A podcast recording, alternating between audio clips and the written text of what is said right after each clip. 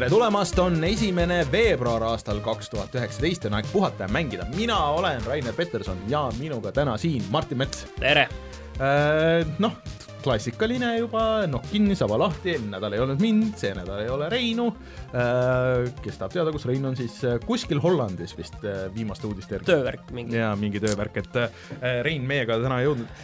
mina käisin eelmine nädal, käisin muusikaauhindadel ja pean ütlema, et oli väärt käimist. ei saanud, said, ei, ühesõnaga siis said? mina mi,, no põhimõtteliselt äh, hinges sain, ehk siis äh, mu sõber, kelle noh, ma olen plaadiga, aitasin teha ka nagu asju äh,, sai äh, ikkagi parima äh, metalliplaadi auhinna, ehk siis Talbot Magnetism, suvi-, soovitan kuulata, see on äh, Spotify's ja Youtube'is olemas, ja äh, oli väga lõbus äh,. kujutan ette. jaa, et äh, seina ääres pilti ei lasknud teha sellest, selle stiilis mööda äh, aga Saku Suurhall oli rahvast täis ja, ja kõik läks lõbusalt. Zahir ei saanud äh, aasta indie-albumit, mis oli täielik nöök, sai mingi Maarja Nuudi äh,, mis Zahiri plaat on, Zahiri ja Talboti plaadid, kaks Eesti parimat plaati eelmisel aastal koos ansamburiga, nii et et natuke rööviti selles mõttes.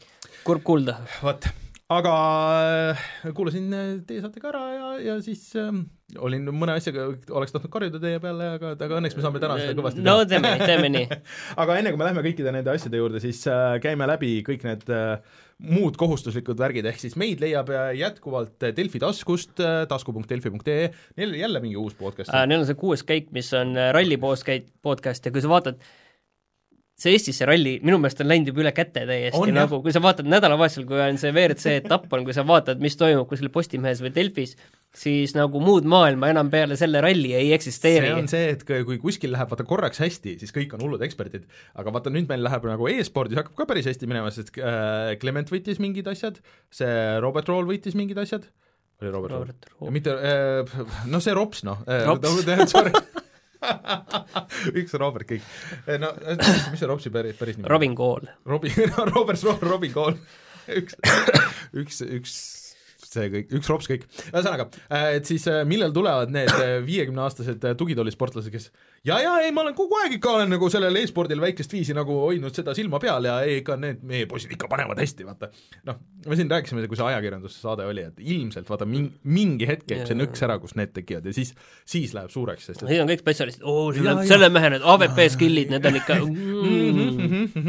APM on kõrge ja ei, see on, see on ikka väga-väga-väga hea, hästi paneb, hästi paneb aga mm, selles mõttes, et, et jah, sinna tuleb neid, neid podcast'e nii palju viimasel ajal tulnud, et on see on täiesti hull, et äh, mõnes mõttes, et äh, kusjuures, kui kõik hästi läheb, siis, äh, siis mul on ka võib-olla sellel, selles võtmes järgmine nädal uudiseid, aga vaatame ma enne, igaks juhuks midagi välja ei luba, kui, kui see kõik on purgis ja siis ühesõnaga, spin-off on tulemas äh,. Jah, üks, sest et investeerimis- ja spordi podcast'id on nagu põhiasjad, mida on nagu mingi marketing, investeerimine ja, ja siis ja üldiselt, mis mulle endale ei meeldi podcast'ide puhul, mida ma ei viitsi ka kuulata, on need äh, edulood et ah, sa vaata need edulugude mhm, podcast'id, mhm. kus keegi räägib mingeid selliseid, või noh, ütleme, et see ei peagi olema edulugu, aga lihtsalt see, et kuidas ta jõudis mingi asjani ja avastas iseenda ja, ja siis suhteliselt sama lugu alati. ja, ja, ja see on jah, see mulle meeldib, ma tahaks, keegi ei ole veel teinud, üks podcast'i idee on see, et sellised ebaõnnestumiste lood.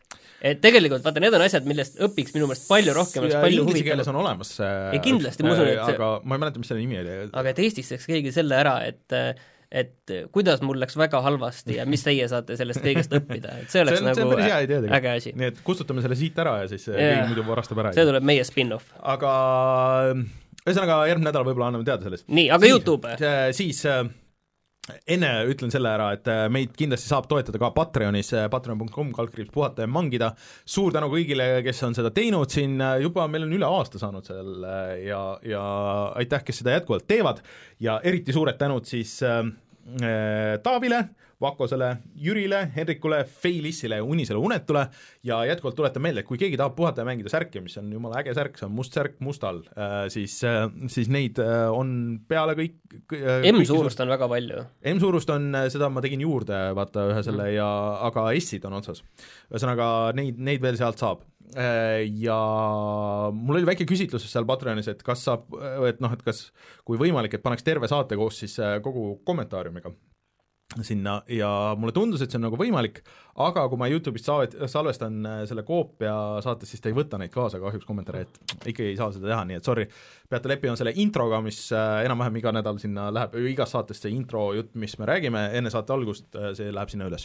nii, aga Youtube nüüd? nii, Youtube.com sulle eelmine nädal meie The Grand Touri video meeldis? see oli väga, väga hea video väga keskpärasest mängust, et äh, mul on ikka nii kahju, vot sinna Amazoni võeti ju mingid väga suured nimed tegelikult tööle, et seal on endiselt Criterioni tüübid ja ja noh, ja tegelikult see bränd, selle The Grand Touri bränd, noh ikkagi endine Top Gear on ju ja kõik see.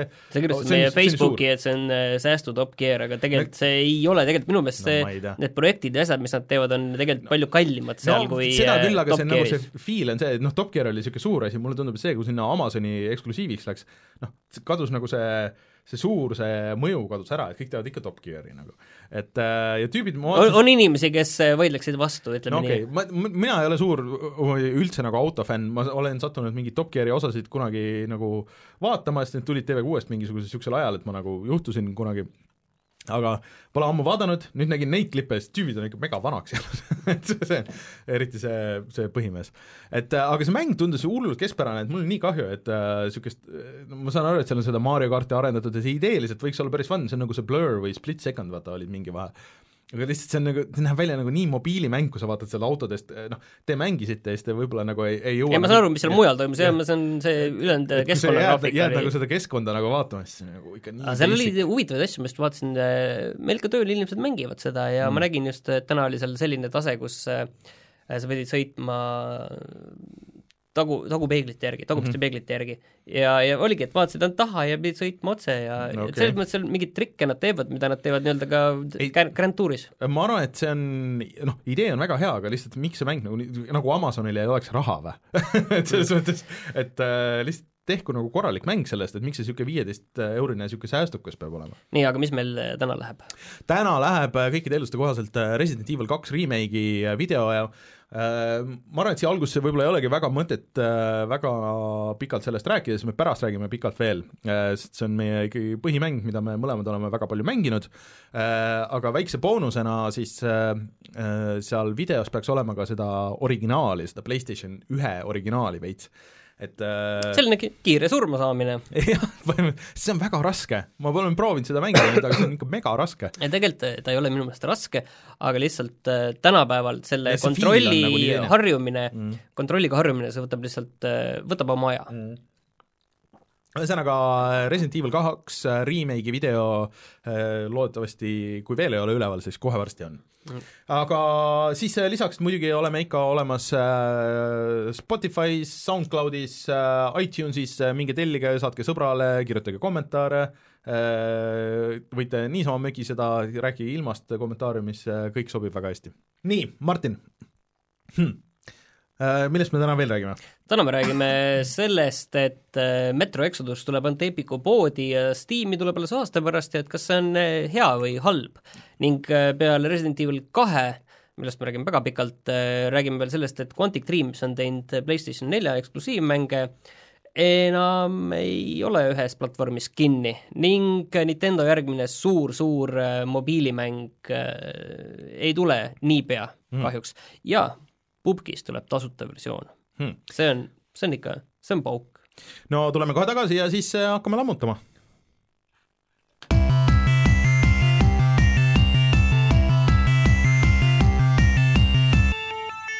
uudised.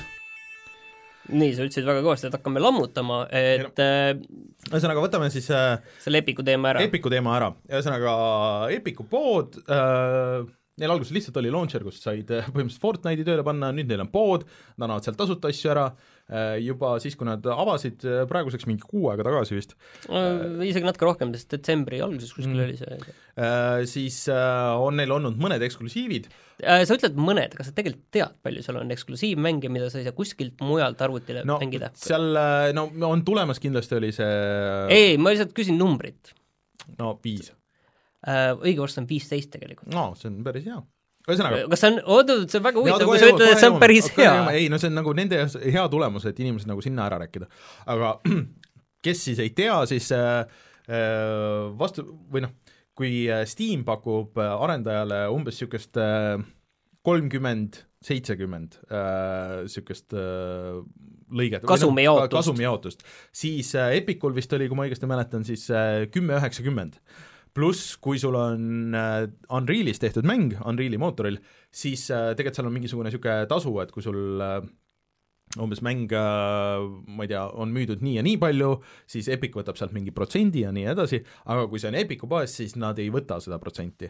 ja pluss siis seal veel olid mingisugused noh, erinevad niisugused tasemed ja niisugused soodustused aga mis seal minust, minul sellest on? sinul on äh, sellest mis see, mul on, mul on suva, ma maksan jaa, ikka selle numbri. sina maksad selle numbri, aga äh, arendajal on äh, rohkem raha ja, ja neil on rohkem motivatsiooni võib-olla nagu panustada sellesse oled sa kindel, et tal on rohkem raha, kui tema mäng on Epiku poes, aga mitte Steamis, kus on palju rohkem kasutajaid? aga Steamis on, oled sa vaadanud, kui raske on äh, tänapäeval nagu lihtsalt nagu juhuslikult leida mingisugust mängu, sest sinna tuleb iga päev, noh, mingi hetk äh, Steam ju tegi see oli äkki poolteist aastat tagasi, äh, tegi uksed ju täiesti lahti, et kõik, mis tuleb, enam ei ole see Stream, Steam Greenlighti, vaata mis vanasti oli, äh, paar aastat tagasi veel enne seda oli eriti raske Steam'i saada, et sa pidid otse Valve'iga rääkima, sa pidid, sul pidi ette näidata olema mängija ja et sa üldse said, siis nad tegid selle Greenlighti, kus inimesed said hääletada siis oli mingisugused vahepealsed variandid ja siis mingi hetk nad ütlesid, okei okay,, fine, pange üles oot, ühesõnaga Steam on tulnud metsikult arendajatele vastu, et alguses neli, oot-oot-oot, neli-viis, oot-oot, neli-viis-kuus aastat tagasi oli häda, et me ei saa oma mängu Steam'i, siis tuli Greenlight, mis pidi nii, seda asja aitama nii. ja aina rohkem indie-mänge sai Steam'i nüüd saavad kõik Steam'i, et kõigil on võimalus sinna saada. Aga..., nii, mis on väga tore, sest äh, ei ole probleemi, te saate ennast Steam'i. aga sellega see on tekkinud seesama probleem, mis on kõikidel mobiilimängudel ja kõikidel mobiiliplatvormidel, ehk siis et see avastamine on täiesti võimatu ja seal ikkagi nagu esile kerkivad need mängud, kellel on nagu jõhkralt palju raha, et panustada marketingi, ja panustada näiteks, teha nagu ikkagi mingisugune diil äh, Valve'i või Steamiga, et nad oleks nagu promoted seal kuskil või, või mingisugune valik. jah, et kui ilmub teile Steamis, ilmub see pop-up aken, kus on kirjas mängud, siis jah, sellised asjad ei ole tasuta, see on äh, lihtsalt äh, noh, võib-olla kes on osta-e-d kasutanud, see teab, et seal samamoodi natukene mm -hmm. maksad juurde ja siis on sinu see ostukuulutus selles paksus kirjas või värviline või kuskil esitõstetud või mingi kindlaid aegu seal kuskil ette kleebitud, et eh, kindlasti, aga ütleme niiviisi, et see asi, et sa saad enda eh, kui sul on rohkem raha, saad teha rohkem turundust ja olla rohkem nähtavam, see ei ole ju mingi uus asi, et no. Eh, kui seda mängu ei oleks tiimis, siis seda leida oleks veel raskem. aga vaata, praegu ongi äh,, jah, seal on nagu nii palju asju, aga kuna sul on see Epiku pood, kus on praegu väga piiratud arv mänge sul on arendajana väga-väga kasulik nagu minna sinna, sest et äh, see Epicu pood ja Epicu launcher, äh, mis on siis tänu Fortnite'ile toonud väga palju uusi kasutajaid, kes muidu võib-olla noh, võib-olla neil ei ole Steam'i kontot või nad ei taha või nad ei hooli, ma näen küll ju kogu aeg siin, ma olen mitmes selles Facebooki grupis, kus kogu aeg mingid tüübid, aa, mul on müüa see Steam'i konto, kus on mingi mõned mingid tasuta mängud ja siis äh, ma ei tea, mingi see CS-GO, mis on bänniga ja noh, mingid niisugused, on ju, et äh, kedagi nagu see väga Steam'i konto ei huvita. aga Fortnite'i, kuna seda nii palju mängitakse kogu aeg, seal on, seal on need sõbralistid ja need asjad on sees ja su kontod ja, ja kõik need tegelased on sees, siis sa võib-olla hoolid sellest rohkem, kui midagi nagu ostad, siis äh, või noh, sa näed mingisugust mängu, mis võib-olla on tasuta või võib-olla on odav, siis sa tõenäosusega nagu ostad isegi seda.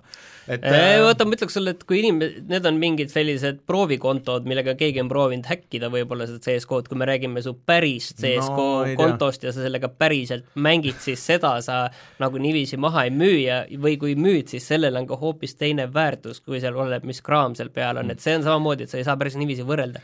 Aga ühesõnaga, arendajana ma praegu saan väga hästi aru, et Äh, lisame selle siis siia, et ehk siis nüüd suur uudis on see, et Metro äh, Last Light äh, Metro ei, Exodus. Exodus, sorry, Last Light oli see eelmine. Metro Exodus, mis tuleb siis välja mingi viisteist veebruar. jah, paari nädala pärast, tuleb siis eksklusiivina ainult Epiku poodi. selle peale läks la-, lahti mingisugune täiesti arusaamatu ruigamine, et et see on nii kasutaja, või mitte isegi kasutaja, see on tarbijavaenulik vot sellest ma nagu ei saa aru. Äh, mina nüüd natukene ruigaks ja ütleks, et see on tarbijavaenulik. selles mõttes, et äh, tarbijalt võetakse praegu vabadus ära, et me oleme harjunud vaata sellega, et eksklusiivid on äh, konsoolide peal, mis on Nii. eraldi asjad, ja ma saan aru eksklusiividest sellisel juhul, kui ütleme, väga hästi saan aru siis, kui selle platvormi nii-öelda haldaja või omaja on selle ise lasknud teha, on ju, täpselt aga nüüd me jõuame tegelikult asja, kus tegelikult minu meelest tarbija ikkagi kaotab. sul kaob ära, sul kaob ära valikuvõimalus, sa äh... ostad ühest kohast. kui me vaatame, kuidas tegelikult Steam'i mängude turg on ka see, et kus sa saad Steam'i näiteks äh, erinevatest kohtadest osta, siis seal ongi äh, võtmetel on erinev jaa, hind. see on hall, hall ei, turg ju suures ei ole, ei ole ka ainult hallil turul, vaid ka mujal. inimestel on konkurents. mis sa, kui, mis sa arvad, kui Fallout seitsekümmend kuus oleks Epicu poes, mis sa arvad, et äh, kuidas selle hind praegu oleks? ma arvan, et seal lihtsalt keegi ei mängiks seda nagu ja siis ongi, et äh, ma arvan, et kui see, see on täiesti tasuta launcher sa võid selle tõmmata, sa võid selle ainult selle Metro, kui sind huvitab Metro Last Light, mis on üksik äh, mäng, seal ei ole mitmikmängu osa, sa ei pea isegi mõtlema, et okei okay,, et Epicus, Epicu poel praegu ei ole neid äh, erinevaid nagu võimalusi nagu nii palju, et sul äh, see sõbralist on nagu teistmoodi ja noh, et need ei ühildu ja nii edasi. Aga see on ju täiesti tasuta nagu, sa võid niikuinii kõik kasutada Discordi nagu ja sina kaudu. ise oled siin korduvalt rääkinud, kui tüütu on ei, see, et sul on origin, oot-oot-oot, ja nii, et näed, sul on väga tüütu, sul on, et sul on see origin, sul on see äh,, sul on, ma ei tea, mingi äh, Uplay'd ja sul on need miljon muud kohta ja nüüd tahad veel Epicut koos, see on tasuta, võta endale see, see tasuta. niikuinii, ei jah, aga, aga selles mõttes, et niikuinii on neid miljon, vahet ei ole ju enam, et, et see, kui see üks sinna juurde tuleb, ma saan aru, see on, mul on olnud situatsioon, kus mul on kolm eri, kolme erineva konsooli pult on nagu diivani peal, sest ma pean ühe peal, ühe konsooli peal on üks mäng ja teise konsooli peal teine, minu arust see on rohkem nagu niisugune äh, tarbijavaenulik kui see, et, et sul on lihtsalt, et aa, ma panen ühe programmi kinni ja panen teise programmi, sest et äh, tegelikult arvuti pealt tegelikult ei ole vahet. ei, vaata, kui me räägime konsoolidest mingit..., siis me räägime konkreetsetest masinatest, mis firma X on ehitanud.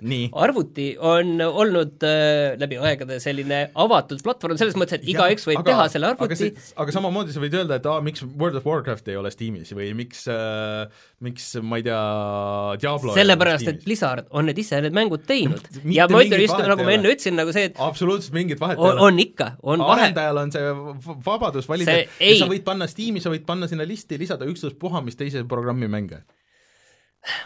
ühesõnaga, minu meelest on tegemist siiski sellise olukorraga, kus ma saan väga hästi aru, et äh, Epiku ja Epiku poe vaatest on tegemist äh, väga mõistliku ja agressiivse võttega, on ju. sellest ma saan aru, miks Epic mm -hmm. seda teeb.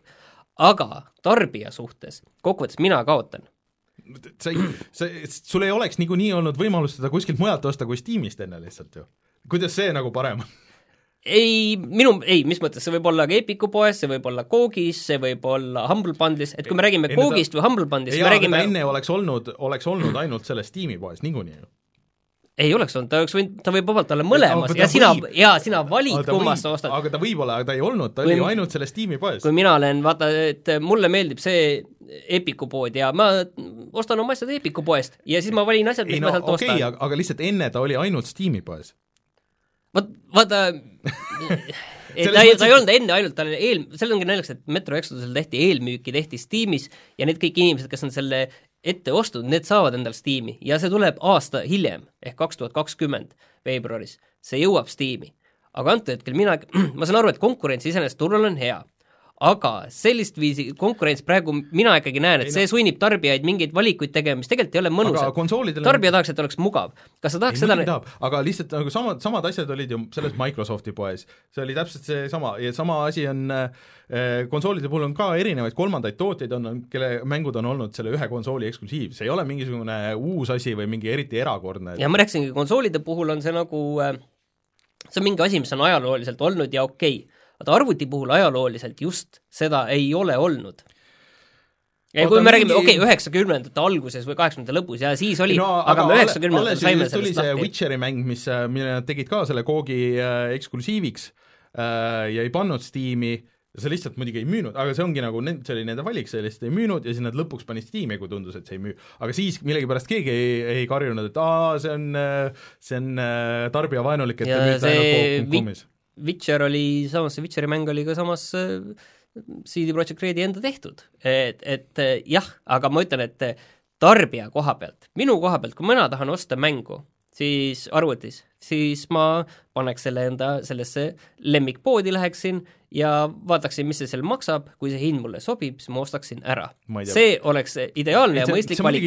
kui inimesed või lihtsalt... poed tahavad konkureerida, siis pakkugu paremat hinda. näiteks seesama äh, Epic Games, meile äh, natuke nagu mulje, nagu Epic tegeleks mingi veidra heategevusega, et nad annavad äh, nii palju annavad arendajale, on ju, aga mis asja, mis nad üldse endale võtavad? selle asemel tehku niiviisi, et eh, mis kümme protsenti või tehku nii, et nad võtavad ühe protsendi endale, üheksa protsenti võtavad hinnast maha ja üheksakümmend protsenti annavad arendajatele, kui nad nii head on. no aga kes ütleb, et nad veel ei, ei noh, praegu on ainult ette tellimine, keegi ei tea nagu, see pood on nii vähe aega olnud, et, et, et mis, mis seal saab tulema nagu. et niisugune, niisugune asi võib vabalt nagu juhtuda. et see on nagu kuidagi keeratud nii suureks, et tõsi, et see on imelik, et enne müüdi ja kõik need, kes ette tellisid äh, seal Steam'i poest, kusjuures see läks ju Steam'i kõige müüdavamaks mänguks äh, see on neile väga hea müügitaktika, et need kõik äh, inimesed saavad lunastada oma selle Steam'i versiooni, mis okei okay, aga aga kui ma tahaksin nüüd, nüüd seda lunastada, nüüd, tähendab nüüd osta seda siis sa pead Epiku poest ostma. ma ei taha, ma ei taha endale Ma seda teist launcherit, ma ei taha, ei ilmselt ei mängigi, on nüüd vastus ausalt öeldes. võib-olla mängin seda Playstationi peal, niikuinii oleks mänginud ilmselt konsooli peal, nii et vahet ei ole ei tea, seda võib-olla isegi mängiks arvuti peal, aga okei okay,, see võib-olla ok, on aga, aga mu point on ikkagi see, et, et sellises konkurentsis tegelikult tarbija kaotab. ei et äh, ta, tarbija võidab tegelikult. ei, see on samamoodi tegelikult nagu tarbija kaotab, kui äh, äh, Last of Us kaks tuleb PlayStation neljale, aga näed, mina ostsin äh, Xbox One'i. see on tegelikult samamoodi tarbija kaotab, tarbija ostis endale konsooli ja, ja lihtsalt ta sai, ta ei saa seda seal osta, aga see on ajalooliselt, me oleme sellega leppinud, et nii on ja selle mängu Sony tegi, on ju. aga arvuti peal me ei ole sellise asjaga harjunud. ma ja arvan, et see asi ongi, et se- sellega lihtsalt tuleb leppida, et see saabki niimoodi olema, konkurents käibki niimoodi ei, konkurents ei käi käi seda ma just tahan, ei, see, see on selline mm, agressiivne turuvõitlus käib niiviisi, aga konkurents ja konkurentsist peaks võitlema tarbija, see ei käi Mi- ma ei niimoodi. ole aru saanud, miks, miks sa pead olema ühe, minu meelest sul on nagu natuke teine põhjendus, aga mingid eh, paljud kommentaarid, mis ma näinud olen, on lihtsalt siuksed, kes on Steam'i patrioodid. ma nagu sellest asjast nagu väga hästi ei saa aru, et mis, miks, miks? Jah, et äh, ühte sellist platvormi ei tasu jah, nüüd niivi- niiviisi nagu sest platvormid niiviisi ar armastada, aga platvormid tulevad ja lähevad, ega siin mul nagu... oleks hea meel, kui see minu pärast võiks igal pool olla, miks ei ole probleem, on ju. aga minu meelest lihtsalt ah, kõik, mis lahendaks selle, on see, mida ma olen siin kogu aeg rääkinud, et platvorm võib olla see või teine, ja võiks olla mingisugune üks koondav asi, kuhu kõik asjad tulevad sisse ja sa ei pea üldse nagu muretsema, sul on üks front-end, sa ei näegi, kust poodidest need tulevad, ei, mul on isegi küsimus, et kes seal back-end'is selle raha saab, see on küsimus, vaata. no mul ei ole vahet. aga sul ei ole vahet, sa just rääkisid, et üheksakümmend protsenti kasumist või sellest jaa, tulust ei, läheb see on arendajale, arendajale on kasu, arendaja valib lihtsalt endale kõige kasulikuma moe. ja ta, kui tal on kasumlikum müüa Epiku poes, siis ta müüb Epiku poes ja minu jaoks nagu väga ei ole vahet, kas mina ostan selle Epiku poest või Steamist. see on minu point nagu. minu jaoks selles mõttes on äh, vahe, et ma ostaksin selle enda sellest, mida ma põhiliselt kasutan. No jah, aga kui sind see mäng väga huvitab, no selles mõttes mul on ka Uplay launcher ja kus on mingid äh, mingid Ubisofti asjad ja, ja selles mõttes, et vahet ei ole. aga selles mõttes nagu Metro Exoduse puhul ongi see olukord, kus äh, äh, ilmselt väga paljud inimesed nüüd peavad kaaluma, et kurat, kas ma tõesti pean selle neetud Fortnite'i launcher'i endale koju tõmbama või?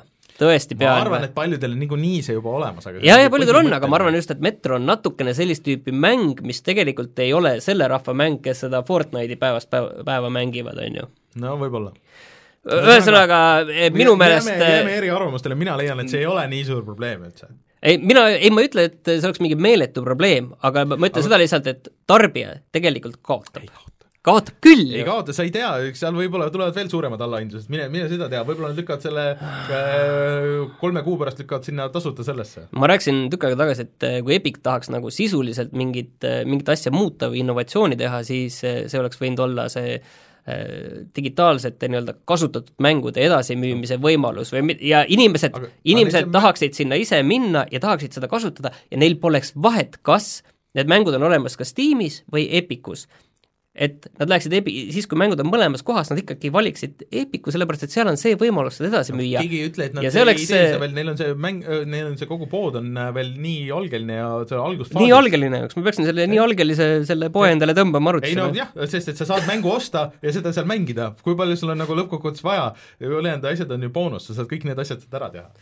See ei ole nii hull, isegi mina tõmbasin selle alla, et tasuta Subnautica saada. mina ei ole veel tõmmanud ja kusjuures sinna tuleb nüüd ju tasuta, järgmine kuu on see Axiom Verge. väga tore, Steamis on see õnneks olemas veel. tasuline, aga ma saan selle tasuta sealt, kas Steam annab midagi tasuta mulle? Vot, näed, andke tasuta mänge ja, ja väga hea, näed, inimesed tulevad, on ju, ja see mäng on olemas ka Steamis ja seal küsitakse sellest raha ja see on konkurents, vaata no., et meie anname sulle, siin poes antakse sulle saia no, tasuta, siin poes antakse sulle saia tasuta, aga kõrvalpoes küsitakse saia eest seitsekümmend üheksa senti. ja siis nad võtavad mingisugused jaa, et nüüd, kui sul juba see on, äkki ostad siin selle metro kah? selle raha eest, mis sa säästsid Subnautica ja, ja paari teise asja pealt ah,. ma ei tea, ma ei tea, ma ei, ma ei, ma ei ole nõus aga vahetame teemat selles mõttes, enne kui me täiesti tülli lähme, et äh, rääkides asjast, mis on tasuta, siis äh, Pupkist on tulemas tasuta versioon, tegelikult see on juba kuskil kaugel Taimaal, on see juba testimisel. ma vaatasin äh, Youtube'i striimi, selle nimi on Pupk Light. Light Äh, ja see tõesti tundub olema vist äh, selle mobiiliversiooni port, ehk siis kogu idee on see, et see suudab joosta mingi kõige tagasihoidlikumal läpakal, aga lihtsalt sul on hea kontroll ja see vist hakkab olema täiesti eraldi sõbralistiga ja täiesti eraldi, ehk siis järjekordne paralleelne versioon, et nüüd neil on siis see kon-, konsooli versioon, mis vist PlayStationi ja, sul on olemas ju, ei ole, ole. see, see PlayStationi ja Xboxi versioon, et need on vist suht samal level Äh, siis on see arvuti see põhiversioon, siis on see mingi testserveri versioon, siis on see mobiiliversioon ja siis nüüd on veel see light versioon, ehk siis mis see, mis see kokku teeb siis äh,, neli versiooni no,, viis, viis versiooni. põhimõtteliselt neli, no aga okay. kuigi see ideeliselt tundub kõik väga tore, aga siis miks see ei võiks olla lihtsalt kuidagi integreeritud sellesse nagu, sellesse põhipukki nagu, et et sa tõmbad kuidagi nagu sellesama, et see on kuidagi nagu rohkem ühendatud, see on täiesti eraldiseisev asi. no see on tegelikult, ilmselt on äh, põhjus lihtne, et äh, põhimõtteliselt vaata, võiks ju teha tavalise pubgi äh, tasuta mänguks. tavalisel äh, pubgil on suhteliselt kõrged süsteemi nõuded, et see korralikuks jookseks see omakorda tähendab seda, et need inimesed, kellel on selline arvuti, nendel ilmselt, vaata teistpidi, on ka natuke rohkem raha mm. -hmm. et neil on see kolmkümmend eurot, on ju, välja käia. ja siis, kui me teeksime selle tavalise pubgi tasuta mänguks, siis noh, ilmselt oleks suur hulk inimesi, kes neid veel ostaks, on ju, aga sinna ei saa kõiki seda rahvast taha, sellepärast et lihtsalt nendel inimestel, isegi kui tasuta, siis see mäng ei jookseks piisavalt hea graafikaga mm., piisavalt hästi, on ju, nende masinatel. ja siis ongi see Pupk Lite nagu leitud mm., et on lahendus, mis on tasuta mängud, ma ütlen, mis need äh, nõuded on, et seal on lihtsalt i3 protsessor uh. seal on neli giga äh, muutmälu ja seal on Inteli integreeritud graafika. et põhimõtteliselt eraldi graafikakaarti ei olegi vaja, on äh, Intel HD neli tuhat, mis on ikkagi no üsna tavapärane, tavalise läpaka graafika no ei, ma sellest kõigest saan nagu aru, et see on äh, väga mõistlik ja aga lihtsalt see on kuidagi noh, imelik, et see on lihtsalt täiesti eraldi platvorm nagu, mis ei ole kuidagi no sa ei saa seda ju selle tavalise pubgiga ju kokku ka teistpidi panna, et ilmselt selles äh, kas või kui me räägime sellest äh, kaugele on näha, et draw distance'ist või näiteks selles pubgis siis äh, siis need ilm, paratamatult need on erinevad ja. siin nii palju ja see on niivõrd oluline aspekt sellest mängust lihtsalt. millal sa viimati mängisid üldse? teinekord siinsamas stuudios olen mm. ikka töö, töö, tööl mõnikord mänginud. iga selle Puki uudise peale mõtlen, et peaks korra tööle panema, isegi vaatasin seda Xbox'i versiooni, aga siis, siis läksin sellesse Residenti. aga nüüd on põhiküsimus see, et kas see, see Pupk Lite on nüüd asi, mis teeb Pupki äh, taas äh, väga suureks ja väga oluliseks? kurat, ma ei tea, ma kahtlustan, et see on jälle, see on eraldiseisev asi no see, on, aga sa, aga sa ei tõmba nagu, kui sa ei integreeri seda kõiki neid inimesi, siis see ikka jääb niisugune killustatud selleks. ma, ma kahtlustan, et see saab nagu mingites piirkondades mm. saab nagu täpselt seesama Aasia, saab see äh, üldse pidi olema tegelikult äh, noh, see mujal on nagu veits ära vajunud, aga et Hiina ja India, et need pidid üldse nagu väga palju mängima tegelikult. Äh, ja Korea ja, ja mingid niisugused, et aga kui see on niimoodi täiesti eraldi, siis see ei, ma arvan, et see ei päästa no nagu praegu on lihtsalt selle nii-öelda põhipubki juures on nüüd see küsimus, et eh, mis see järgmine samm on, et sinna tulid natukene mingeid uuendusi jälle sellesse, just selle lumekaardile sinna mm -hmm. just eelmine nädal, aga, aga lihtsalt, et mis see, tegelikult see järgmine selline natukenegi suurem samm on, on ju, et see mm, -hmm. see on see küsimus ja mul on tunne, et see pubk light, et, et kindlasti teeb seda suuremaks ja mm -hmm. oluliseks, aga aga kindlasti vaata teistpidi mitte meiesuguste inimeste jaoks on. et kui, kui sa ei saa üle kanda oma progressi näiteks äh, mis progressi? no sa ikka mingit asja, mingit kosmetsi ja mingisuguseid asju, midagi sa seal saad ja mingit, mingit nagu skoori ja sul mingi level nagu on, et kui sa seda nagu ühest teise ei saa kanda, siis sul ei ole mingit motivatsiooni, et okei okay,, et ma olen seda Lighti nüüd päris palju mänginud, et võib-olla peaks nagu selle noh, võib-olla sain uue arvuti ja võib-olla peaks sinna päris sellesse minema, siis sa pead nullist hakkama, siis see on nagu jälle niisugune seal muidugi alguses, vähemalt esialgu on seal ka üks kaart, on ju, kuigi mm. nad on öelnud, et sinna tuleb ka lisa kaarte värk. mobiiliversioon on, et kas seal on ka ikka veel see üks kaart või on sinna juurde tulnud neid teisi? ei tea, minu meelest on ikkagi üks, aga ma ei ole päris kindel ka, sest ma ei ole ise seda puutunud mm.. kusjuures mul on tunne, et mis tegelikult võib pubgi oluliselt populaarsemaks teha, vähemalt ajutiselt mm., on see äpp, vaata, mis tehti, et sa saad äh, teada, kas sa oled seda striimeri tapnud, on ju, et see tegelikult, äh, kui me räägime nagu sellist keskmisest mängijast, et oh, põhjus, miks täna uuesti pubgi tagasi minna, siis äh, see on palju parem põhjus minu meelest. ütle, mis selle nimi oli?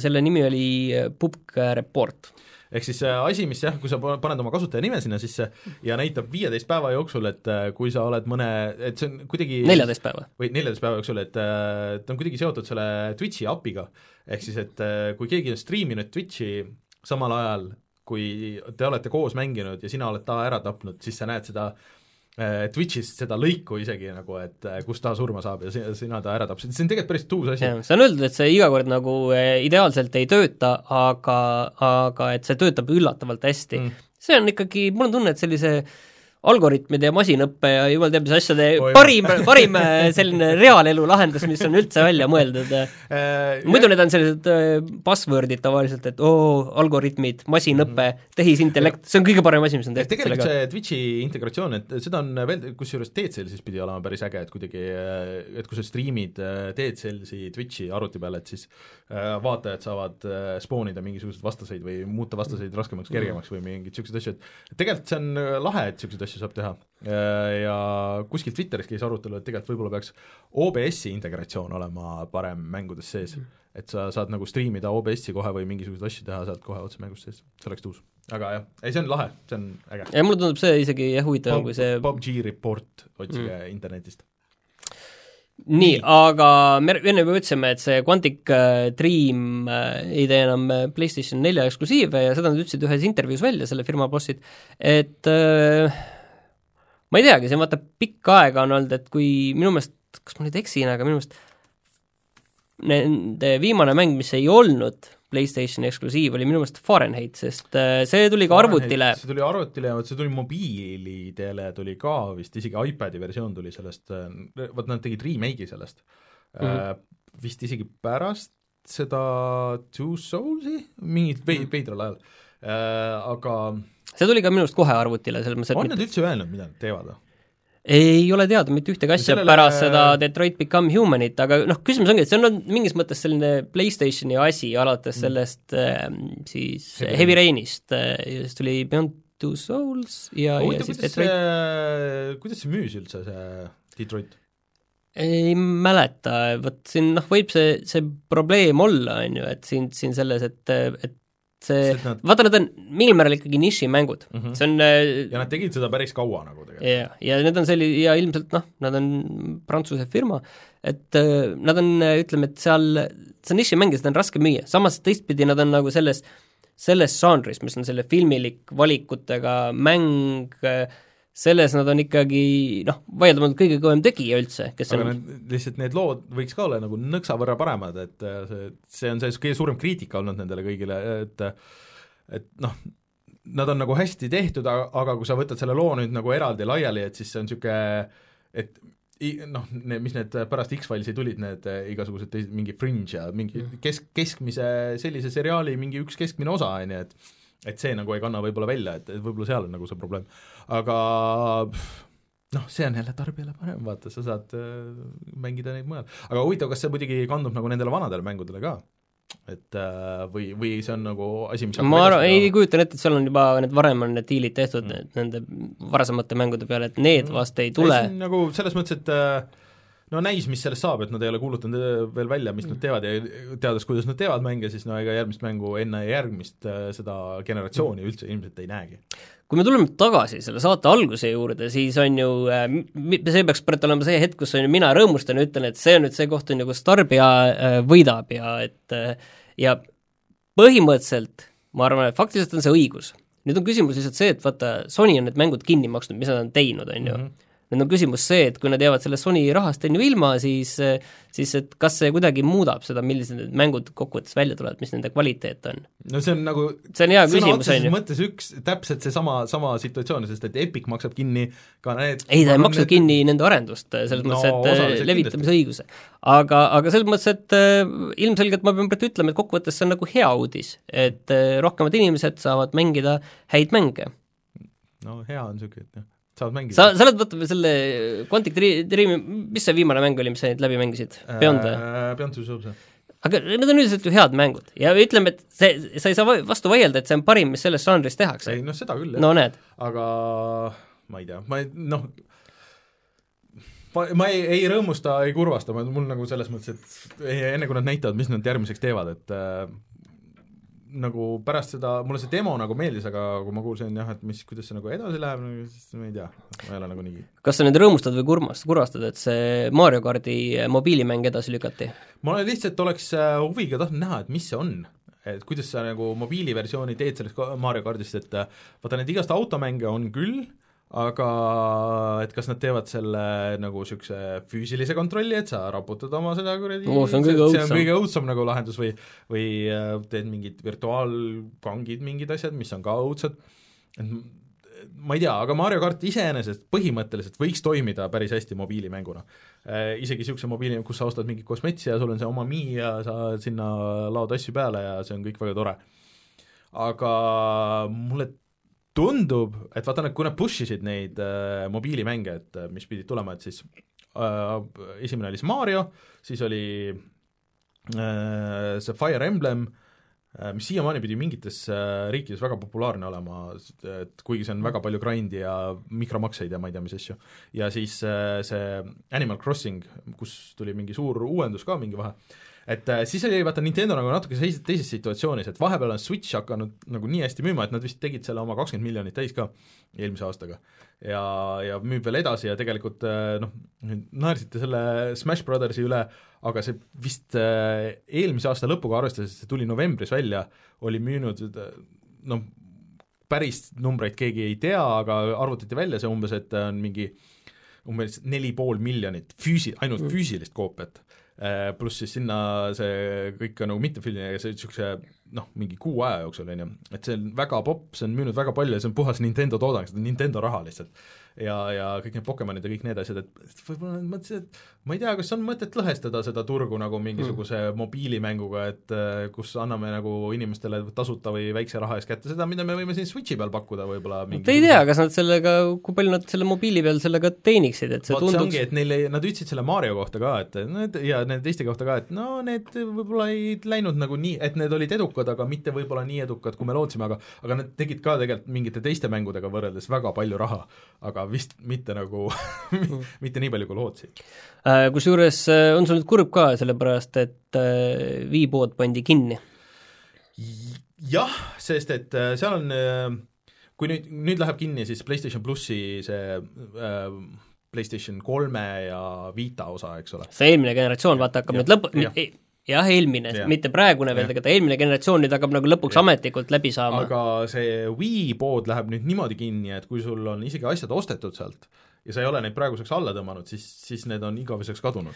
see on see kõige ilmselt see kurvem ja halvem asi selle digitaalse maailma Sest juures. Et, jah, et seal oli päris palju originaalasju, äh, seal näiteks täiesti originaal üks äh, Castlevania, mis tehti, Konami tegi sinna ja Konami tegi ühe kontra sinna, ja oli ports veel mingi noh, oli palju halbu asju, aga lihtsalt palju mingisugust niisugust veidrust, aga lihtsalt need kõik nagu kaovad ära et eks need saab nagu vaata enamik asju, vaata Wii juures on veel see pluss, et enamik asju tegelikult, kui sa tegelikult nagu tõesti tahad mängida, siis nad on nagu füüsiliselt ja. ka ostetavad ja sa saad kõik uuesti mängida. aga kui me üks päev nüüd jõuame näiteks sinna, et sellised platvormid, mis on reaalselt eh, digitaalsed juba mm -hmm. nagu Vita, kus äh, ühel hetkel väga paljud mängud äh, lihtsalt tulidki ainult digitaalselt välja, siis see on koht, vaata, kus sul ei ole varianti, et ma nüüd äh, panen selle mälukaardi sinna sisse. jaa, et ostan, okei okay,, et äh, Viiga sa saad niimoodi teha, et seal oli ikkagi SD-kaardi tugi, sa saad osta mingi suure SD-kaardi, tõmmata kõik asjad alla ja siis see on igaveseks sinu selles. aa, ütleme, et ametlikust poest tõmbad alla? jah, jah, tõmbad alla, no sa võid, no põhimõtteliselt kui sa oled mm. nagu muud, muid kanaleid mööda nõus minema, siis sa saad seda muidugi ka teha. aga äh, ütleme niimoodi, et ostad suure SD-kaardi, tõmbad kõik alla, mis sul on ostetud ja, ja siis need on igaveseks sul selle SD-kaardi peal. et sa saad niimoodi teha, aga Vitaga sa ei saa seda teha kas sul maksimaalne Vita kaart on ju kolmkümmend kaks giga, eh, põhimõtteliselt saab vist häkkida Vita, on mingi adapter, eh, et kus sa saad panna SD-kaardi, aga see vist iga selle firmware'iga ei tööta, ehk siis see saab mingi hetk väga keeruline olema, aga vot see on see digitaalsete mängude säilitamine, et mingi hetk pannakse need poed kinni, pannakse need service'id kinni, äh, ja see läheb aina tugevamaks, õnneks Microsoft on nagu vähemalt lahendanud niimoodi, et noh, kõik kolmesaja kuuekümne asjad, mis sul on kunagi üldse ostetud, et need on vähemalt sul nagu kui need One'i peal tööta, töötavad, siis need on olemas, aga ega seal pandi ka see, see indie-mängude osa, mis olid veel eraldiseisev, et kus kõik said lasta asju üles, see pandi ka mingi hetk kinni, kadusid kõik asjad ära. ja võib-olla need asjad, mis on, kus litsentsid on kaduma läinud, et noh, sa ei saagi nagu tõmmata. ma just äh, otsisin Vita peale Resident Evil kahte poest ja ei leidnud mm., ei ole enam sellist asja olemas, kuigi ma tean, et ma olen selle ostnud ja ja, ja selle Vita peal läbi mänginud ja, ja siis selgus, et jah, et selle download listist sa leiad selle üles, et mm -hmm. ja sa saad uue, seda praegu ka veel alla tõmmata, aga osta poest seda uuesti ei saa, mis on väga veider, sellepärast et samas sa saad osta Resident Evil ühte ja kolme. tead, mulle praegu meeldis, et mul on see Vita tv, mul on päris palju asju vist registreeritud nagu selle noh, muidugi. aga ma ei mäleta, kas mul oli see, mul ei ole vist mälukaarti seal ma ei saa vist tõmmata alla. kas selle sisemälu oli, midagi oli? midagi oli vist küll minu meelest ma ei ole päris kindel, enam ei mäleta, see oli nii hallil ajal. aga veel viim-, jah, viimane asi Nintendost, ma ei tea, et äh, oskad võib-olla paremini kommenteerida, et Metroid äh, Prime neli, mis juba loodeti, et tuleb see aasta välja, selgus, et yeah. äh, et selle arendus oli nii halvasti läinud, et äh, alustatakse otsast peale põhimõtteliselt. seal kõige veidram selle juures, et kui nad lihtsalt oleks öelnud, et aa, et sellega noh, et nad ei olnud äh, öelnud isegi ühtegi kuupäeva, midagi, aga nad tegid konkreetselt video, mis on isegi Switchi peale, tuli eraldi, tuli see news, sa said vaadata videot, kus tuli see Nintendo üks juhtidest ja rääkis, et me väga vabandame et te peate ootama, aga see ei vastanud meie kvaliteedistandarditele, see arendus ja see võttis kaua aega ja me vaatasime seda, see oli ikka väga halb. Ja nüüd läksime tagasi ja nüüd Retro, kes tegi äh, kõik need ähm, vanemad Metroid Prime'id ja tegi noh, näiteks need uued Donkey Kongid ja need, ja hakkab nendega koostöös äh,, alustame uuesti ja teeme selle uue met-, niisugune aa, see päris, visati põhimõtteliselt kogu see arendustiim visati, see, kuulge, kui te niisugust jama teete, siis me lihtsalt nagu, lihtsalt viskame teid bussi, see on teie süü, see on teie peal. aga veider on muidugi see, et Metroid muideks äh, väljaspool USA-t vist ei ole kunagi väga hästi müünud. aga see Metroid Prime neljas vist oli tegelikult äh, näidatud, oli vist ka ainult logo või oli midagi rohkem logo ainult oli. aga lihtsalt ütle, et mis see Metroid Prime neli üldse on? no ta on, äh, no ei tea, aga Metroid, aga varem? Metroid Prime'id on, äh, need on olnud esimese isiku tulistamised, aga noh, selle Metroidvania võtmes, ehk siis et sul on äh, noh, suur avatud maailm sa saad mingeid lisavidinaid ja sa endaga saad niisugustesse kohtadesse, kus sa äh, enne ei saanud. Äh,, mul on need olemas kõik, ja läbi oled teinud mitu? ma ei ole läbi neid teinud ühtegi, sest et nende kontroll, kui sa tänapäeval, seal on mingi väga veider twist, et kuidas sa sihid ja liigud nagu koos, et see ei ole nagu niisugune tänapäevase shooter'i sellega, et need on originaalis tehti Wii peale. Äh,, aga need on äh, Wii U versioonid on ka ja see on väga-väga veider. Äh, jah, ühesõnaga võib-olla kunagi peaks proovima. Et äh, ma nagu natuke ootasin, ma mingi hetk siin, kui aasta algus oli, et mõtlesin, et mida oodata, selle tähendab, et aa, et õige, jaa, jaa, et Metroid tuleb, et see oleks ju väga tuus, aga noh, jah, ilmselt pigem järgmine aasta või, või ülejärgmine aasta või ma ei tea, millal. See on üks selline läbiv saaga, mis kogu aeg käib ja käib, on see samad need hasartkastid kui teemat järsult vahetada, et äh, nüüd siis äh, Belgia keelas äh, hasartkastide müümise ära. jah, ja see kõige kõvem sa tahad sellest väga rääkida? ei, ma tahtsin, et see oli see, et mida me oleme siin rääkinud mitu nädalat, et huvitav, et mis EA-l nagu üldse on, et aga et nendel kogu aeg on see põhitugi on see, et et nad müüvad neid hasartkaste Fifasse ja Maddenisse vist veits ja sealt tuleb ikkagi põhiraha, et, et kui neil kõik need projektid lähevad metsa, siis ei ole vahet.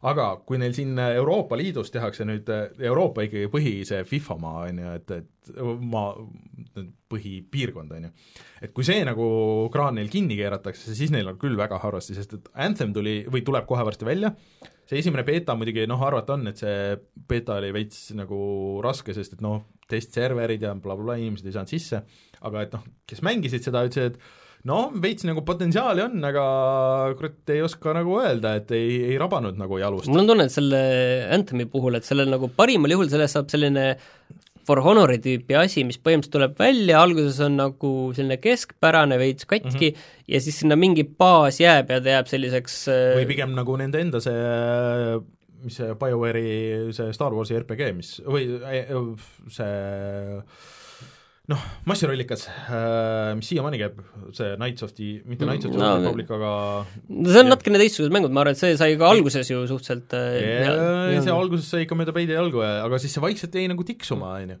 aga Anthem seda graafikut ikka nägi, ma jagasin see, et see on ikka väga loll, et kui sa Anthemi oled eeltellinud, siis sa oled põhimõtteliselt viimane, kes selle saab, et kui et nad ikka üritavad oma, pressida oma väga seda EA Origini ja kõiki neid niisuguseid asju, et äh, kõlab nagu väga Vaata, valesti. siin EA-l on see, see häda, on ju, et nad on läinud sinna selle peale, et kõik asjad peavad olema mitmikmäng ja, ja mm -hmm. lisaasjad ostetavad ja ma arvan, et see üldiselt kindlasti selles mõttes, et kui firma tahab teenida raha, siis see on kindlasti õige, on ju. Mhm. aga samamoodi sellist tüüpi mängud, et sellel oleneb nii palju sellest, kuidas nende vastuvõtt on ja kuidas ja. see mängija baas tuleb sinna taha, et kui sa vaatad nagu edulugusid kindlasti selliseid, siis see on ikka väga siis, kõrge. siis need on hullud ja siis noh, need on alati, ütleme, aktsionäridele või juhatuse koosolekul presenteerida, et mm -hmm. me teeme sellise mängu, nagu on noh, ma ei tea, Fortnite on mm -hmm. võib-olla halb näide, aga aga sellised mängud, mis on sellised mitmikmängud, kus saad osta asju, mis kogu aeg käivad edasi ja edasi. näitad neid prognooseid, näed, see läheb aina ülespidi. ja sellel see... läks nii hästi, et ja. ma, ma saan aru, et eh, miks nad arvavad, et see on nagu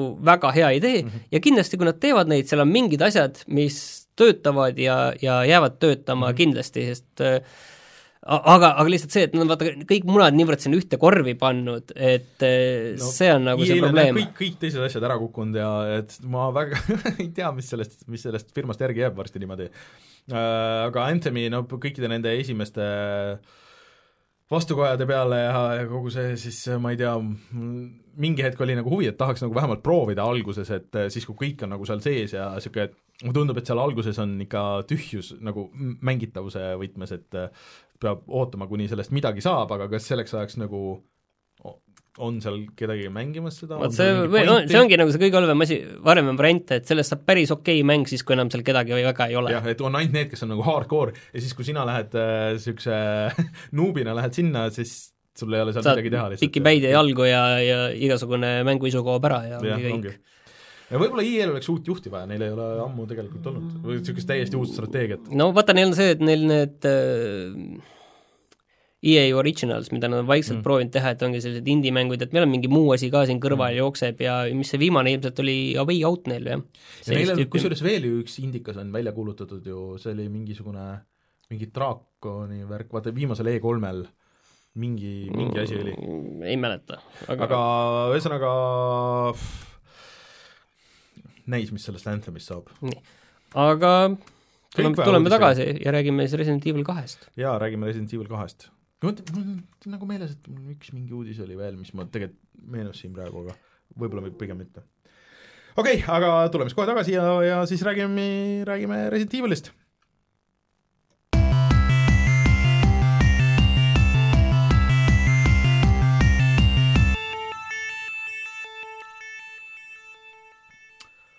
Resident Evil. jälle oleme, ei ole enam seda häält ju. Äh,? Ei ole jah. Ei ole äh, seitsmes oli, seitsme alguses oli, aga äh, kusjuures asi, millest võiks kohe rääkida, hääl näitlemine on minu meelest kõige nõrgem osa sellest mängust, sest et äh, nad ju tahtsid saada neid originaaltüüpe tagasi, aga sellel ajal, kui mängu tehti, oli see häälnäitlejate streik, kui sa mäletad, mõned aastad tagasi. Yeah.. ja siis on äh, mingisugused niisugused tüübid, kes ei olnud selles ühingus. ja siis kogu see, selle Lyoni nagu need oh no, või niisugune hästi kuidagi äh, eriti imelikult need, või noh, niisuguse oh, I gotta get out of here, nagu sihuke ja mingi miljon zombit tuleb, et kuidagi see emotsioon ja see, need asjad on puudu, et aga see mõnes mõttes nagu töötab niisuguse kämbina sinna juurde, aga mulle tundub, et see ei ole nagu meelega, et see vist lihtsalt on nagu nii, nagu see asi nagu tollel hetkel läks. aga õnneks see on nii väike osa sellest mängust, et see ei, ei ole nagu mingi probleem. ühesõnaga, me oleme rääkinud sellest Resident Evil kahe demost siin äh, mõned nädalad enne, aga siis äh, Resident Evil kaks räägime alustuseks, et mis see siis on nagu, et selles mõttes, et et Resident Evil kaks, et kus ta nagu ütleme, asetseb, äh, ütleme, Resident Evil'i maailmas? no ta on selle, ongi siis päriselt teise mängu täiesti uuesti tehtud versioon, et see ei ole mingisugune, nagu see Resident Evil üks HD oli. ühesõnaga, et sisu on muudetud? sisu on muudetud, aga see lugu enam-vähem ja see olustik on enam-vähem samaks jäetud.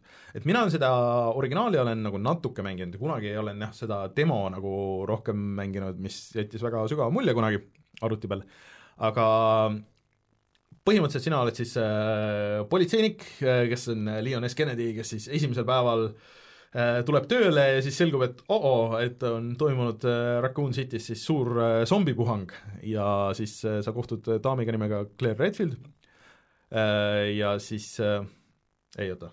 jah, ja siis see on see hetk ka, kus teie teed lähevad ja. lahku ja siis sa pead valima tegelikult mängu alguses, et, et kellena sa hakkad mängima. et kaks erinevat lugu on, need arenevad paralleelselt ja vahepeal ristuvad, siis lähevad jälle lahku ja, ja noh, õige kogemuse saad siis, kui sa on ju mõlemad äh, need pooled läbi mängid mm. -hmm.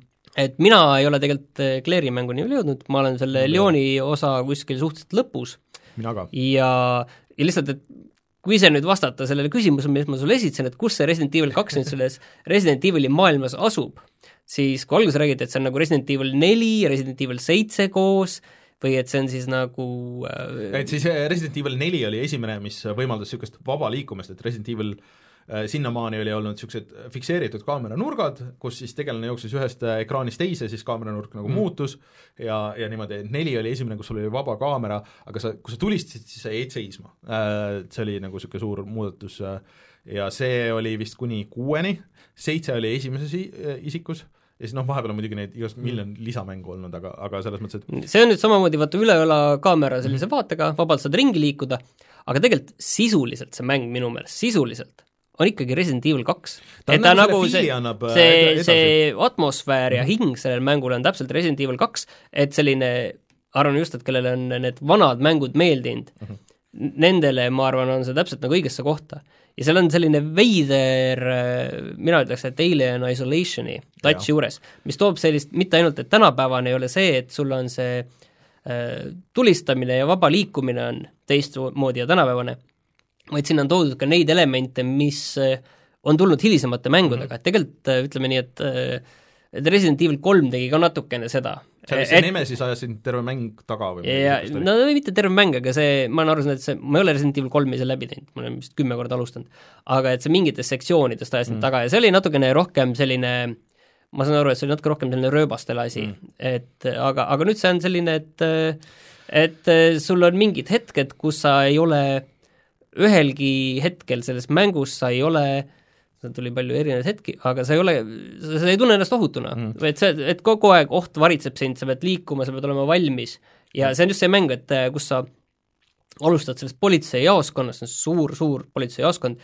ja sa hakkad ükshaaval neid äh, tube läbi otsima, kogud laskemoona, tapad zombisid, avastad uusi ruume, lahendad puslesid, leiad asju äh, ja kusjuures seal on niisugune Metroidi element on olemas, et, et sa lähed nagu kuskile äh, täiesti teise kaardi otsa või noh, isegi täiesti teise noh, nagu nii-öelda no, alasse ja see, aga siis, siis sa saad mingisuguse asja, millega sa saad minna tagasi mingisse no see on, see ongi Resident Evil kaks no. selles mõttes, et Resident Evil, et jah, et see, see enne sellised lahendused olid Metroidis jah, aga, aga põhimõtteliselt see on, see ongi just see vana Resident mm. Evil, on ju, et see, mul on ka mingid kohad, kus ma pean jõle palju tagasi minema, see on noh, enda valik, on ju, mõnikord see ei ole vajalik tegelikult, mõnikord sa saad mingi asja sealt ja, ja aga lihtsalt mõnikord on see, et lähed vaatad, mis sealt saad ja tegelikult okei okay,, mul ei ole seda vaja, aga noh, see on see variant, et sa lähed ja käid ja vaatad. ja seal ongi, mul on võib-olla ma, oleksin kaugemal oluliselt, kui ma ei läheks nii ettevaatlikult igale poole ja üritan iga nurga nagu läbi käia, sest et äh, seal iga kuul on väga oluline, kuigi ma mängin normal, normaliga, sa mängid äh, hard'iga, Äh, normaliga siiski on nagu see, et sul ei ole sihtimisel mingisuguseid äh, seda auto aim'i ja kui ma mängin Xbox One X-i peal, sa mängid äh, PS4 Pro peal. et äh, pul-, isegi puldiga sul ei ole ja see tulistamine alguses ikka vajab harjumist, sest et zombid, nad teevad niisuguseid äkkliigutusi või noh, nagu kuidagi, et ja sa pead tulistama neid pähe. pluss on nagu zombidel on, see tegelikult teeb nagu ägedaks, et sa ei tea kunagi, et kas ta läheb ühe kuuliga maha või kuue kuuliga või ta kukub kolme kuuliga maha ja siis ärkab mingisugune kolme minuti pärast uuesti ja üles. ta võib ärgata ka kolm korda üles põhimõtteliselt, okei okay,, kolme korda ma vist pole näinud, aga kaks korda on küll vähemalt olnud kindlasti, et see, et ta, ta on maas ja, ja uuesti. ja siis on see variant, et sul ongi näiteks nuga, on ju, sa võid noaga ta vahepeal nüsida, on ju, seal lähemalt, mis on natukene, natukene ohtlik. noad lähevad puruks ja see on, see on nagu veider, aga ilmselt on tegemist mingi sellise no balansseerimisega. balansseerimisega jah, mis lihtsalt äh, teeks võib-olla noa teatud olukordades liiga tugevaks mm. lihtsalt mm.. et äh, aga, aga see on lihtsalt, ma ei ole mänginud pärast vist äh, seitsmes ei olnud kuidagi, seitse läks lõpuks läks ikka väga tulistamiseks, et et sul oli kogu aeg neid kuule ja asju ja oli nagu piisavalt ja sa ei pidanud nagu nii väga palju muretsema, kuigi mulle seitse meeldis.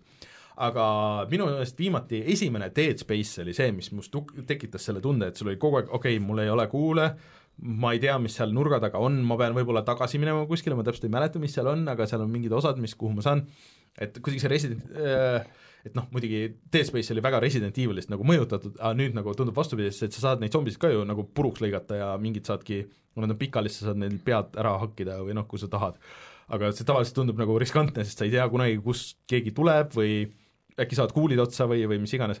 et ma olen kogu aeg nagu nii pinges, kui ma mängin seda, et see ei ole, see ei ole nagu õudne, aga mul on niisugune, niisugune see äh, nagu paanika attack on nagu kogu aeg tulemas, sest ma ei tea, igast uksest võib tulla see suur tüüp, kes mind taga ajab, sest eriti veel, kui klappidega mängid, siis sa kuuled kogu aeg ta tõmps, tõmps, et okei okay,, et kas, kas ma kuulen neid kilinad ka, et kui sa kuuled need võtmete kilinad või mingid kettide kilinad, siis okei okay,, siis ta on kuskil siinsamas, ma pean kohe ära jooksma aga see on pime ka, et sa täpselt ei tea, et võib-olla sa jooksed talle vastu ja sa ei, sa ei saa taga, talle midagi teha, sa pead lihtsalt eest ära jooksma. sa saad tal mütsi peast ära lasta. jah, et äh, aga see pinge on nagu hullult lahe, aga see on kuidagi nagu ta ei ole nagu tavapäraselt õudne ja sa ei saa salvestada, noh et äh, hardcore'i, kus sina mängid, et siis on vist piiratud need äh, salvestamised. Nagu jaa, et sa, sina saad vist salvestada nendes äh, noh, nende kirjutusmasinate ja. juures, aga hardcore'i peal on veel see, et äh, sa saad kirjutusmasinate juures ja sul peab olema see tindiriba või see asi, mhm. mis sinna ja, sisse käib ja neid on väga-väga vähe. et äh, neid on nagu tõesti vähe ja neid kohti, kus ma olen pidanud mingi tund aega või pool tundi nagu uuesti tegema Neid on olnud küll ja küll.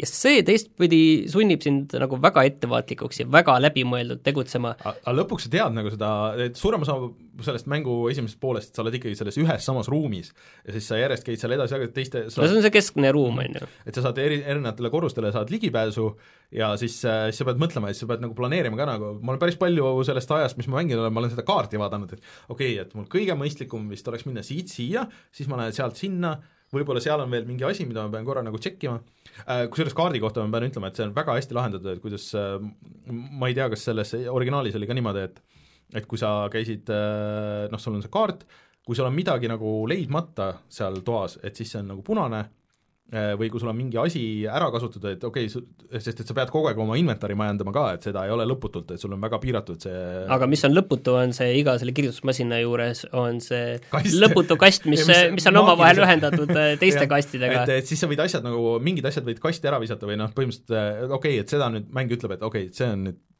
sa ei pea muretsema selle pärast, et sellega on nüüd kõik. jaa, seda võtit sa ei olnud siin kasutada ja selle kasutamiskorrad on nagu, seda ei saa kuskil. et äh, aga see on äh, väga hea niisugune nõks äh, osade RPG, sa kunagi nagu ei tea, et okei okay,, et kas mul on vaja seda asja veel või ei lähe vaja, ma vähemalt hoian seda siin kuskil, et äh, et see kõik on väga lahe, kui kuidagi see struktuur ja kuidagi see ülesehitus, et iga kord, kui sa tunned, et sa oled nagu või nagu stuck või kuskile, et sa ei tea, kuhu minna järgmiseks või midagi, siis see üks, okei okay,, ma tšekin selle ühe asja veel, ja siis tuleb välja, et see ja siis avaneb mingisugune teine, et need pusled on nagu väga orgaaniliselt lahendunud, või lahenenud nagu minu jaoks. Äh, mul on äh, tunne, et mina soovitan seda tegelikult kõigil mängida hardcore'i peal, sellepärast et äh, see on kogu aeg see tunne, kus sa oled mm. kikivarvukil, et sul on täpselt see, et mul on, mul on kaks kuuli ja ma, ma ei saa eriti, ma saa-, nagu võib-olla ma saaks kellestki mööda joosta, aga see on täpselt see, et ma saan uuesti paar kuuli mm. ja siis tuleb see üks-kaks zombit, siis on uuesti, elu on mina... pool aega punases või kollases,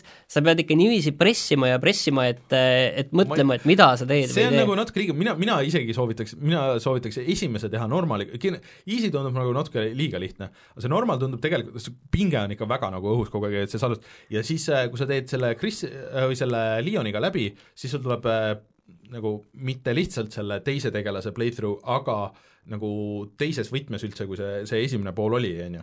et äh, mis on nagu natuke lühendatud äh, ja natuke nagu teistmoodi, asjad on teistes kohtades ja siis see teine võtta nii-öelda hardcore im või raskem versioon et ma arvan, et see on nagu parem, et selleks ajaks sa juba tead seda, et see on nagu jaa, aga see, ei, see hardcore'i peal see esimene no, avastamise võlu on ka ikkagi väga karm ja kusjuures ma vaatasin, et mulle tundub, et see on juba päris karm. ma nagu olen seda, selle Lyoni osa hardcore'iga teinud üle kümne tunni juba ja mul ei ole see veel läbi, kuigi noh, ma enam-vähem mm. nagu näen, et seal, eks sa enam-vähem tead, et kui sa juba jõuad sellistesse kohtadesse mm., siis ilmselt Resident Evil'i mängus on see lõpp suht lähedal, on ju, aga, aga see on jah üldiselt ütleme nii, et see tunne seda mängides on nagu väga õige, et täpselt ja, see väga hea tänapäeva, noh, kui see ei oleks isegi remake, siis see oleks lihtsalt väga hea mäng. jah, see on selline, ja teistpidi see on nagu see nostalgia väga õiges võtmes mm, -hmm. et see on nagu tänapäevaselt igatpidi väga hästi mängitav, aga seal pole tehtud kompromisse nagu mitte mhm. millegi peal.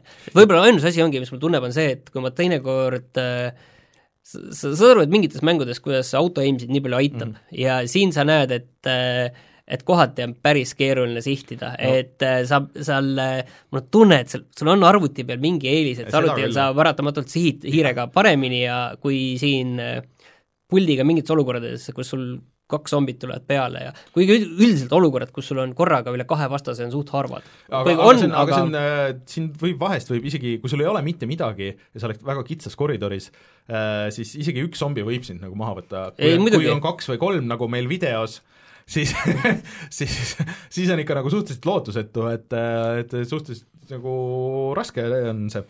aga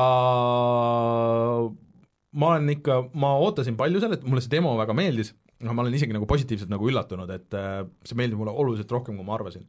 ja kusjuures visuaalselt ka Xbox'i peal, One X-i peal näeb väga hea välja, jookseb väga hästi Äh, see atmosfäär on ikka väga tuus ja see PC versioon pidi veel eriti hea olema, et äh, saad ikka päris palju asju teha seal, et noh, puhtvisuaalselt, aga ta ei toeta küll vist seda RTX-i ja nagu neid asju, aga, aga ikkagi tuus.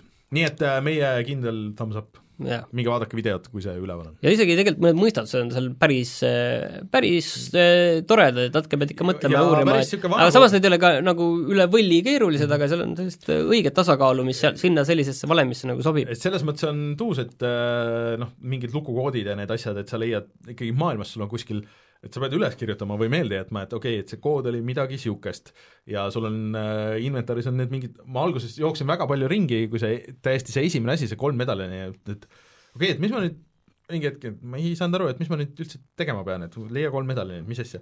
ja ma poolkogemata sattusin lappama läbi neid asju, mida ma, ma tavaliselt ma olen harjunud seda, ega ma ei viitsi lugeda nagu neid igasuguseid maailmast leitud asju. see on mäng, kus sa lõpuks ometi see, sa pead lugema, sellest on mingi kasu, kui sa loed neid asju, mis sa leiad sealt no, aga mul on veel see, et eh, vot mul ongi, kuna seal seda laskemoona on nii vähe, siis mul on näiteks seesama politseijaoskond mm -hmm. ja mhm. sul peaks nagu olema niiviisi, et need kohad on seal tühjaks tehtud, seal on ju, seal mingid kohad mm, -hmm. kus sa saad vähemalt ohutult käia, aga mul on mingid koridorid, mis on nagu mingeid tüüpe või neid eriti, neid värdjamaid eh, vastaseid täis, pluss üks asi, mis on nagu sisuline uuendus, on see, et äh, mingid zombid on kuskil akende taga ja kolistavad akende taga ja sa võid lauda taga need aknad kinni lüüa, aga sul ei ole neid laudu nagu nii palju, et sa saaks kõik aknad politseijaoskonna esimesel korrusel kinni mm -hmm. lüüa. ei, isegi siis... teisel korrusel on paar akent. on või? minu arust ei ole, aga võib-olla, okei okay., aga igal juhul äh, see on nagu asi, et et seal natuke strateegiliselt, okei okay,, ma siin löön selle kinni ja, ja siis sul on ühes, üks tuba oli, kus ma panin kolm, kolm kohta sain kinni lüüa ja siis oli hea, igal pool akende taga tüübid äh, jaurasid, on ju, et siis see on jälle see, et sa vähe, okei okay,, vähemalt siin ma hoidsin nüüd laskemoona kokku, on ju. Ei, see on äh, ikka väga hästi tehtud mäng ja et sihuke soovitan kõigile, kellele isegi tavaliselt muidu need nagu horror-mängud ei ole midagi teinud, sest ta ei ole jah, nii palju horror, kui ta on lihtsalt see, see psühholoogiline pinge või sellest, et okei okay,, et ma nüüd ta ei ole ju, ei, ta ei ole jah nagu õudne mäng, ta ei ole nagu, nagu mingil tasemel, nagu tegelikult ka esimesed mm. Resident Evilid ei, ei olnud õudsed mängud, eriti tänapäeval nad tunduvad eriti koomilised, on ju, mm. aga ta on selline väga pingeline ja seda pinget on väga hästi tehtud. et asi jah, millest äh, videos mainin ka, et millest ma puudust tunnen, on see, et nad oleks võinud selle teise versiooni panna kuidagi, selle, selle originaal äh, Resident Evil kahe, nad oleks võinud kuidagi panna selle sinna plaadi peale kaasa Äh, see oleks, või mingi boonusena või, või kuidagi, sest seda praegu tänapäeval väga raske saada, seda ei ole ametlikult jah, kuskil. et äh, aga see on tuus. siin on jah, kindel soovitus ja, ja ilmselt äh, siiamaani kõige parem mäng see aasta jah, ja, ja kuuekümne euroga ilmselt äh, julgem ka öelda jah, et ise ostsime ja, ja ise oleme rahul. ei kahetse üldse. aga vahepeal ma olen sunnitud, see ongi, et, et kui ma seda nagu mängin, siis enne kui ma magama, sest et mul nagu see konkreetselt pulss on üleval nagu seal, et nagu pinge on sees, ma istun niimoodi, tavaliselt ma vedelen kuskil ja siis ma lihtsalt istun niimoodi ekraani ääres, sest et noh, seal on pime, sa pead nägema, lugeda ja nagu kõik see. aga siis ma olen rahustuseks äh, mänginud äh, seda New Super Mario Brothers Luigi U-d ja see on see veel see raskem et isegi see tundub päris, päris chill nagu selle kõrval, et äh, ma olen seal kõvasti edasi saanud ja seal on just see Luigi versioon, kus levelid on kiiremad aga raskemad äh,, kuidagi on mulle nagu haakinud rohkem. et ma olen selle originaali muidugi mingi hetk läbi teinud, aga, aga kuidagi just see, et okei okay,, et sul on aega sada sekundit level on nagu veits lühem, see on just täpselt see paras, täpselt see, mis vaja on selle Switchi peale õhtul, et mingi paar levelit teha. et mõnikord tuleb hästi välja, teed kaks levelit, mõnikord ei tule välja, teed, jääd sinna ühte kinni, aga siis teed selle lõpuks ära ja siis paned ära. ja siis ma tegin selle Katamari Damacy rerolled äh, Katamari Damacy äh, remaster'i tegin ka läbi. Ja see on mäng, mida ma tõesti ka soovitan kõigile, et see on arvuti peal ka. Äh,, maksab mingi viisteist kuni kakskümmend eurot, sõltuvalt vist asjadest, ja see on kindlasti seda väärt. Ehk siis, et sa oled see tüüp, kes rullib kokku järjest suuremaid asju, et sul on niisugune pall, su isa, kogu kosmosekuningas oli juua täis ja siis lõi kõik tähed taevast alla ja siis sa pead neid uuesti kokku rullima.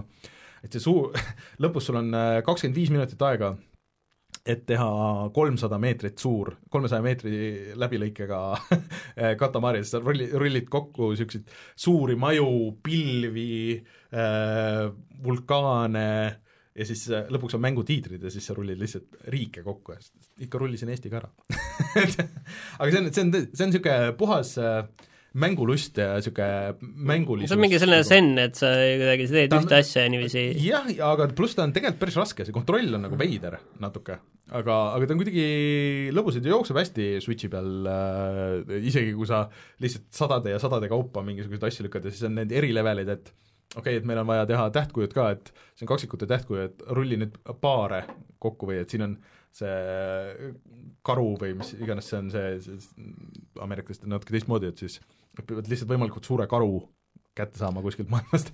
ma vaatan praegu, et selle mängu žanr on siis äh, roll em up põhimõtteliselt. ma arvan, Martin, kui sulle, kui sulle see mm, meeldis see va-... Donut, Donut County. Donut County, siis sulle see ka meeldiks et äh, julgen seda mis iganes hinna eest soovitada. kakskümmend eurot on Steamis, ma vaatan praegu äh,. Kas meil on, meile öeldakse chatis, et äh, Greenman Gamingust saab Resident Evil kahe remasteri arvuti peale neljakümne viie euroga ja ma nägin, et see on mujal, minu meelest oli ka nagu see see ei ole nagu päris, kuuekümnega on konsooli versioon. kui ma ei eksi, siis äkki see jah, me ostsime ka neljakümne viiega minu meelest selle Reinul arvuti versiooni, et äkki isegi Eesti poodides kuskil oli see aga öeldakse veel, et äh, saab juurde osta originaal Resident Evil kahe soundtrack'i. Lisapaki mis on päris, päris lõbus. kusjuures pean kiitma muidugi pakend, füüsiline pakend äh, Xboxil äh, me ostsime sulle muidugi ja. selle Steelbook Editioniga, mitte tavalise, vaid natukene, see oli vahe oli kolm eurot Eesti poest ostes. see Steelbook väga ilusti tehtud, oleks tahtnud mingit manuaali ka või mingi kaarti või midagi, et oleks, oleks äge olnud, aga aga seda paraku ei olnud, oli ainult see mingi Claire'i kostüümi no sa ei saa kaarti ju anda kohe kaasa sulle samas. nojah, aga no midagigi nagu selles mõttes, aga see karp ise oli, oli tore. nii, kas äh, mängudega kõik see nädal või? okei okay,, siis tuleme tagasi ja vaatame, mis on internetis odav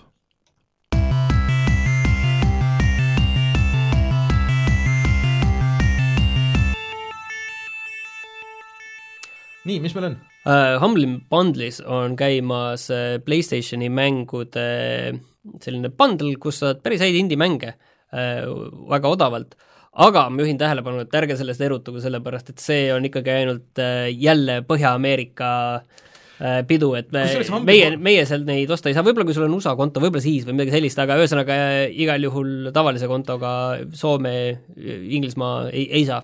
ja Humble'is müüakse ju Nintendo mänge, mida me ka ei saa osta mis on eriti veider. okei okay., aga siis võime lihtsalt soovitada PlayStation plussi, kus seekord tulevad väga head mängud mm..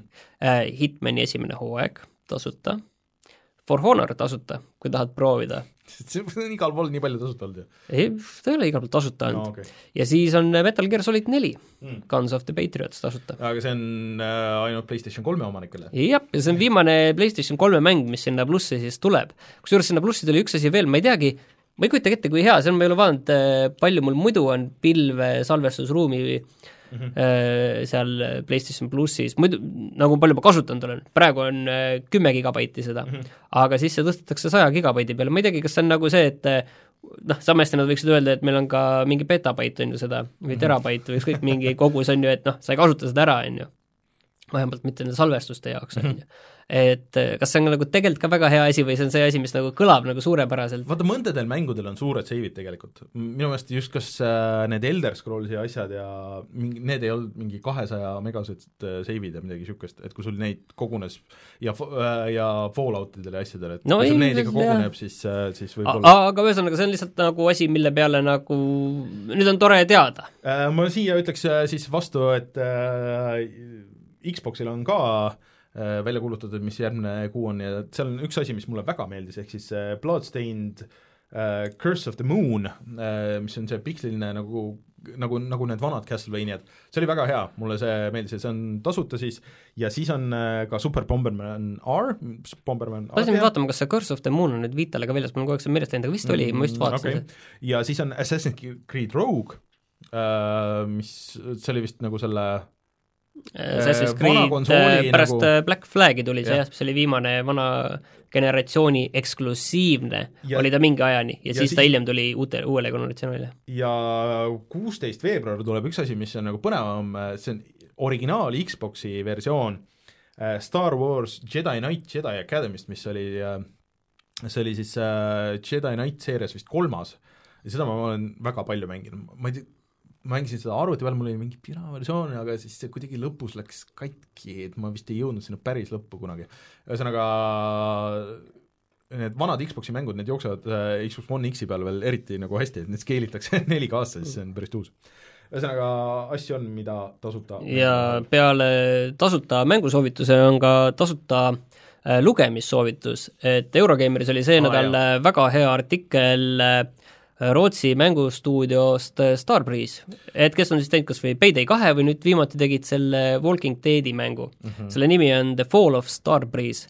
ja soovitan, see on väga pikk lugemine, aga see on -hmm. sellest äh, väga huvitav lugemine, kuidas siinsamas meist paarsada kilomeetrit eemal äh, oli üks äh, suur ja väga edukas mängustuudio, kes tegi, viimati näiteks selle Walking Deadi ja saad aru, kui hull sellise mängu arendamine tegelikult oli. eriti, kui sa ostad mingisuguse pooliku mootori ja siis äh, sellest loobud vahepeal ja siis keegi ei oska uut mootorit, ühesõnaga seal on väga palju detaile ja see on äh, selles mõttes, et kuidas siinsamas üle lahe äh, visatakse kümneid miljoneid kuskile tuulde, ma siin alles tegin ju juttu sellest Starbreeze'i, sellest VR-i masinast. Siinsamas aasta jah, et see pidi minema ja vist kõik nagu distantseeruvad sellest, et see lihtsalt jäigi õhku rippuma niisuguseks vaporware'iks nagu ja, ja tohutud rahad, mis kõik sinna pandi ja ja ütleme, tava, ja see ongi, kus tavalised töötajad nagu nägid seda, kuidas see reaalselt, see, see paat läheb siin põhja, see paat läheb põhja, aga nagu mitte midagi ei olnud teha ja ja see läks põhja, aga seal olid muidugi sellised väga äh,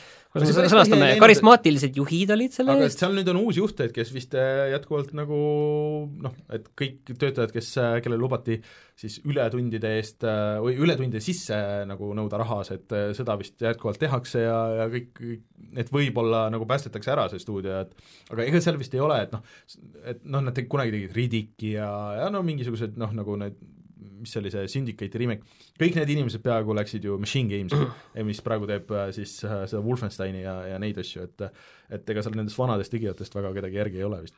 aga see on igal jah, väga, väga hea lugemine. väga hea lugemine, et see, see on see mänguajakirjandus, millest me rääkisime nagu jaa, täpselt, täpselt. Eh, meil tahaks- muidugi vaata Eestis ei ole sellist stuudiot, kellest selliseid lugusid teha, on ju, aga noh, no sellest äh, ainuke vist oleks sellest Blue Moonist, et mis sellest sai.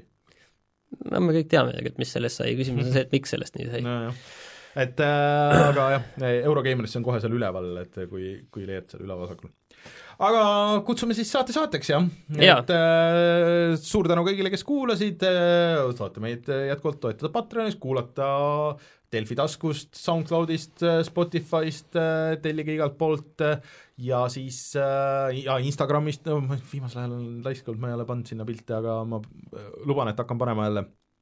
ja siis äh, äh, kohtume jälle järgmisel nädalal, loodetavasti Rein ka tagasi jaa, siis Rein saab rääkida ka, kas ta, palju ta on mänginud Resident Evil no kui, kui palju ta on seda mänginud jõudnud, ta ei ole vist koduski olnud mm. aga lihtsalt hu- huviga kuulen seda, et kuidas tal see PC versiooni kogemus on, sest et tal selle demoga oli mingisugune veider error jaa, et äh, eks näis. vot, aga mina olin Rainer, minuga Martin Mets äh,, minge vaadake Resident Evil'i videot, kui see üleval on ja kohtume järgmisel nädalal, tšau! tšau!